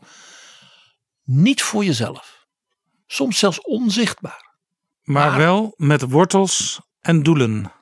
En daadkracht en durf en nou, al die dingen. Jean Monnet is de beschermheilige van de Carolines. Mooi beeld, PG. na 1957, de start van de EG. Jij zei al, toen was hij toch al behoorlijk oud. Ja, eh, je begrijpt, hij ging het dus kalmer aandoen in de jaren 60. Je hoort de ironie in mijn stem toch, hè Jaap? Ja, zo iemand kan natuurlijk nooit echt ophouden. Hij blijft lezen, hij blijft schrijven, hij blijft gesprekken voeren. Hij reisde de hele wereld rond. Kwam op het Witte Huis, kwam overal, adviseerde, hield toespraken. En in november 1963 reed hij met zijn dochter met de auto op het platteland van Georgia in de Verenigde Staten. En daar hoort hij op de radio dat president John F. Kennedy is vermoord. die hij heel goed kende en die hij zeer, zeer graag mocht. En dat was wederzijds. En hij vertelt dus in zijn memoires dat hij onmiddellijk dacht aan de dood van Roosevelt. Die ook zo'n schok voor hem was geweest. Hij zegt, maar eigenlijk wist ik natuurlijk wel al dat president Roosevelt ook door zijn handicap natuurlijk eh, niet gezond was. Nee, wat bij Kennedy natuurlijk heel anders was. Dat was echt een, een, een, een verrassing. Dat was een schok, een moord. Maar waarom was hij op dat moment in Amerika? Niet alleen maar om voor een mooie vakantie. Hij zou van president Kennedy, en dat was een beslissing van Kennedy zelf, de Presidential Medal of Freedom krijgen. De hoogste onderscheiding van de Verenigde Staten. Ah, mooi. En die kon Kennedy hem dus niet meer geven. Dus een van de eerste dingen die president Lyndon Baines Johnson heeft gedaan. Was die medal aan hem overhandigen? Op het Witte Huis. En in zijn memoires beschrijft Jean Monnet in deel 2, bladzij 712, 713. Je pakt het boek er nu even bij. Ja, dat hij dus dan op het Witte Huis wordt ontvangen als ultiem témoignage, als ultiem eerbetoon. Zo beschouwde hij dat van dus de dode president door zijn opvolger. En dat hij dus wordt ontvangen in een zaal op het Witte Huis. Ik zal bij de East Room of de Blue Room. Dat in een hoekje in de schaduw stond Jackie Kennedy. En die keek toe. Lyndon Johnson zei: Ik overhandig u dit. En ik hou geen toespraak, meneer Monet. Ik zal voorlezen wat Jack Kennedy had opgeschreven. En dat lees ik nu voor, want dat staat in het Engels in dat boek Ja, van je citeert Jean Monnet. Kennedy met een tekst die hij zelf niet meer had kunnen uitspreken. Juist. Citizen of France, statesman of the world. He has made persuasion and reason the weapons of statecraft, moving Europe toward unity and the Atlantic nations towards a more effective partnership. Prachtig. Een We ultiem eerbetoon. Een témoignage aan Jean Monnet. PG, dankjewel voor dit verhaal. Jammer wel van die relatie met de Gaulle. Ja. Weet je wat de Gaulle ooit tegen een andere Amerikaanse president over Jean Monnet zei? Dat was president Eisenhower, de voorganger dus van Kennedy. Die sprak de Gaulle in de jaren 50. Die zei: Wat is die Monnet toch een geweldige man? Wat een visionair. Wat is dat toch goed voor Europa? Wat een wijsheid. En die man hij is nog altijd zo scherp en daadkrachtig. Hmm, zei de Gaulle. Ja. Hij maakt wel hele goede cognac. Jammer dat dat niet volstaat voor hem om heel zijn energie daarin te steken. Merci bien, PG. Dankjewel, Jean Monnet.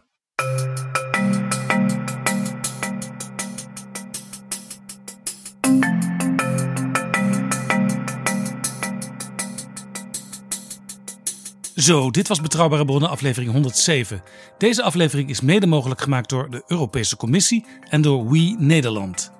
In de volgende aflevering van Betrouwbare Bronnen gaan we een kijkje nemen in de Nederlandse universiteiten, hoe zij de coronacrisis doorkomen en wat de plannen zijn voor straks. Overweeg je Betrouwbare Bronnen te sponsoren of in deze podcast te adverteren? Stuur dan een mailtje aan Flip Kilian Adams. Dat is flipapenstaartdagenacht.nl. Heb je vragen of opmerkingen? Mail dan naar betrouwbare. Tot de volgende keer. Betrouwbare bronnen wordt gemaakt door Jaap Jansen in samenwerking met dag en nacht.nl.